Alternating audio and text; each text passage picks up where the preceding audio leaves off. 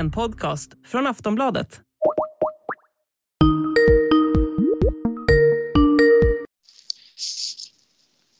Hej Marcus. Det här är Valeria Shevchenko. Hon föddes i Ukraina men är svensk medborgare. Hon har bott i Sverige i flera år och har delar av sin familj kvar här. När vi ringer upp henne befinner hon sig i Ukrainas huvudstad Kiev. Det är torsdag mitt på dagen och hon är i sin lägenhet. Vi låter henne själv berätta om hur de senaste timmarna varit. Uh, först och främst vill jag säga att det är jättelånga dagar och särskilt uh, långa, speciellt långa nätter. Det är, uh, tiden går så långt. och vad har jag gjort idag? Alltså, jag var faktiskt, vi patrullerade till klockan fem på morgonen. Så vi la oss där eh, efter fem och eh, ja, nu när kroppen är så utmanad så kan man sova faktiskt. Uh, lite, typ några timmar. Uh, sen uh, vaknar vi och vi bara läser hela tiden på nyheter. Det är, jag tror att Eh, nu är min mobil typ en del av min eh, kropp, en förlängning på min eh, hand. så vi bara hela tiden inne i nyheterna och försöker, alltså när man läser de här nyheterna så tror man att man på något sätt kan typ kontrollera i alla fall läget, alltså veta vad som händer vart, vad som har hänt under natten som vi har missat, typ som inte var i Kiev utan i andra städer. Uh, ja, men annars uh, om inte larmet uh, ringer om att vi ska skydda oss, då är det eftersom jag är i min lägenhet så gör jag frukost och vi äter och just nu promenerade vi med hunden. Så det här är, vi leker vanliga liv med du vet, i faran. Alltså, det är inte vanliga livet, men vi försöker i alla fall. Uh, När du säger vi? Återvänd, ja, jag och min kille, vi bor tillsammans. Uh, och vår hund. Uh, Eh, på dagarna så ser det ut så här, och, eh, men det är morgonen. Ja. Sen så är det någonting, eh, vi har det här bostadsområdet där vi har organiserat, folk har organiserats. Så vi samlar hjälp, mat, vatten, medicin, annan hjälp till de som inte har någonting så uh, folk kan uh, samla det och bara ge till andra. Och vi har, du vet, allt är organiserat så bra att vi har många uh, vad heter det, eh, chatt eh, på Telegram eller andra sociala medier där folk har samlats och eh, vet exakt vem behöver hjälp, vart ska hjälpen föras och så vidare. Alla människor har organiserats på, i sina bostadsområden ja. och alla måste se till, vi, är, vi tar ansvar för uh, vårt försvar, ja, försvarsterritorium och eh, det är jättemånga människor som bor nu i skyddsrummen, alltså de går inte upp alls. Eh, så vi måste också se till att ingen annan kommer in dit, eh, att det inte är någon fara till dem, för de första nätterna spenderade jag också där. Och sen, eh, du vet, man brukar säga, alltså i militär litteratur så står det att den femte dagen, eh, tolfte och tjugoförsta är de svåraste. Så jag hade eh, på femte dagen, det var precis, precis femte dagen som jag fick eh, värsta paranoia. Eh, det, eh, när jag sov i de där skyddsrummen så jag bara tänkte nu kommer de in och dödar oss, nu kommer de in. Så vi måste se till också att alla är mm, att eh, alla inte är i fara så att vi kan se till att ingen främmande kommer in i rummen och eh, vi kan försvara barnen och alla. När du säger att ni patrullerar, alltså vad är det mm. ni, om du ska förklara, vad är det ni gör då? Ja, eh, okej. Okay, eh, förutom eh, våra militära, eh, våra soldater, ukrainska soldater och militära män Uh, vi har eh, alltså, det heter territoriumförsvargrupperna. Ja. Eh, det är bara civila män som bestämde sig att försvara våra territorium runt i Kiev. För vi vet att Kiev är, jag tror att det är huvudmålet. Så grupperna finns runt Eh, i alla områden i Kiev och vi försvarar det här territoriet från andra, ja, från eh, ryska attacker på andra sätt, typ eh, de som är klädda i civila kläder och så här. Uh, samtidigt så folk, bara civilt folk har omorganiserats uh, som inte har typ, vapen och så som bara går eh, runt i territorium och kontrollerar att inget... För du vet, vi har de tiderna eh, där folk inte får komma ut från eh, hemmet. Det är på kvällen. Och om vi ser någonting på natten som ja, som eh, inte får händas, då är det Eh, vi ringer eh, dem från försvarsterritorium och grupper eller till andra militära och eh, säger vad som händer, att det, det här territoriet är i faran. Och, ja. Okej.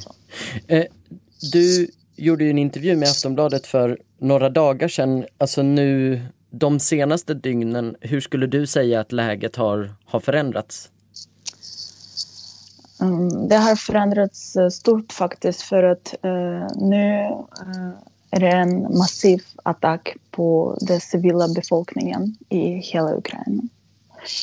Uh, om vi ser förut så var det Alltså jag kan inte säga att det är bara militära områden som attackerades. Attackerades alla områden, men nu eh, vet vi hur många civila dör på grund av de mm. där attackerna. Dagis har attackerats och bombats. Liksom.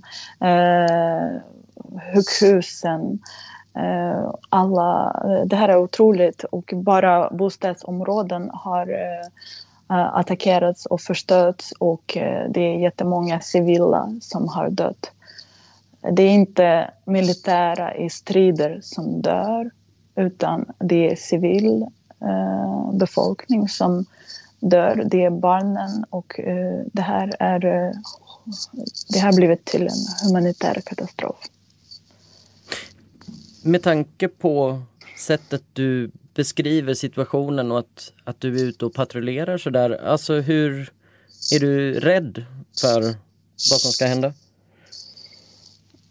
Um, jag uh, såklart är jag rädd. Eh, men eh, som sagt, jag hade den där femte dagen som var katastrof till mig. Eh, jag kom hem efter patrullering. Alltså, jag, jag fick så mycket paranoia att eh, typ alla, är mina, alla omkring är mina fiender. Jag var så, hur säger man, suspicious mot allt. Och uh, det är jättesvårt. Den femte dagen var svårast för mig mentalt. Då jag var, det är den där rädslan, alltså, nu är jag inte längre rädd för mitt liv. Du vet, man, efter den här perioden så Eh, pratar man med sig själv och försöker förstå vad är jag rädd för? Okej, okay, om jag dör, det är okej, okay, jag är inte rädd för det här. Jag är rädd att det ska göra ont mot eh, mina släktingar såklart. Men man är mest rädd att man kommer inte ha hemmet, att uh, våra finaste barn inte ska ha hemmet, inte ska ha det här landet. Att folk inte kommer äh, existera.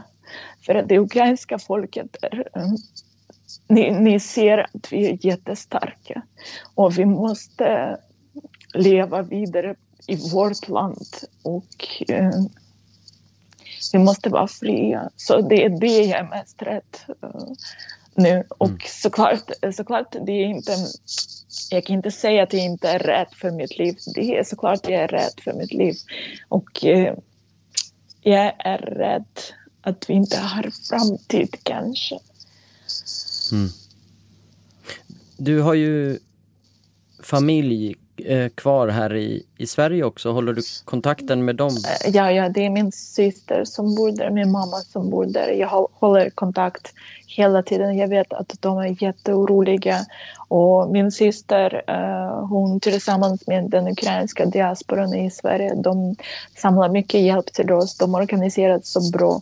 Och jag vet att hela Sverige uh, går till protest och det är, jag är så tacksam för alla er, för det känns så mycket. Jag känner ert stöd så mycket och det är många människor som skriver till mig och eh, jag vet att det är många frivilliga som ska eh, komma och hjälpa oss. Eh, ja. Mm.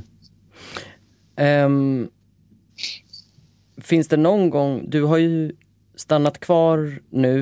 Uh, vi ser ju också att väldigt många flyr. Alltså hur går dina tankar kring det där? Finns det något läge när du känner att nu, nu måste jag också åka? Uh, vet du, jag bestämde mig från början att jag inte ska eh, åka iväg. Först och främst, det här är mitt hem, varför ska jag springa iväg? Och det är den enda uh, platsen jag vill bo. Om det inte kommer finnas den här platsen så vill jag inte liksom Alltså jag vill bara bo här, leva här. Och uh, det, det viktigaste vad jag känner att våra soldater, uh, våra män, de uh, försvarar oss och vi kan inte bara liksom springa iväg. Vi måste stanna och hjälpa dem. Uh, vi måste skydda dem också.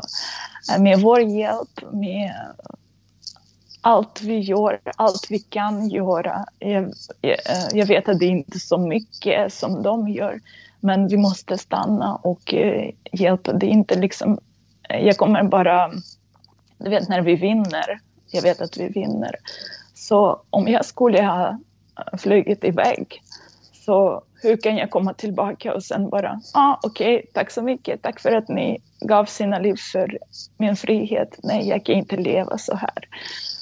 Jag måste mm. delta, jag måste hjälpa dem. För då är jag lugnare. Jag skulle bara, jag vet inte, alltså, jag skulle inte kunna lämna dem. Eftersom du är kvar så antar jag att du, du måste ju känna någon slags hopp, alltså någonting som du hoppas eller önskar ska hända. Vad, vad är det? Vad, vad hoppas du för framtiden? Jag är bara säker att vi ska vinna. Eh, det, för eh, det här är åttonde dagen sedan kriget började. Och det ukrainska folket eh, och ukrainska militära grupper, alla soldater har visat sig att vi är så starka vi har aldrig varit så enade förut. Liksom, det, här är, eh, det här folket kan inte förlora. När vi pratar vidare berättar Valeria om hur viktigt det är att vi fortsätter prata om vad som händer i Ukraina. Hon säger att vi inte ska lita på rysk desinformation. Hon uppmanar också de ryska medborgare som är mot kriget att berätta om det. Att gå ut och protestera trots att man kanske riskerar fängelse. Hon berättar också att hon är glad för stödet från omvärlden. Och såklart, jag är jättetacksam. Vi alla från Ukraina är tacksamma för att ni eh, på dagarna, vardagar, ni kommer och protesterar. Jag vet att eh, igår det samlades 3000 uh, eh, människor i Stockholm tror jag. Det är otroligt. Det är, jag är så mycket tacksam för det här. Uh, och fortsätt, fortsätt att kämpa emot det. Snälla, vi behöver er, vi behöver hela världen såklart. Vi, vi, vi kan bara vinna tillsammans. Stort tack för att du pratade med oss och ta hand om dig. Tack. Vi hörs. Vi hörs.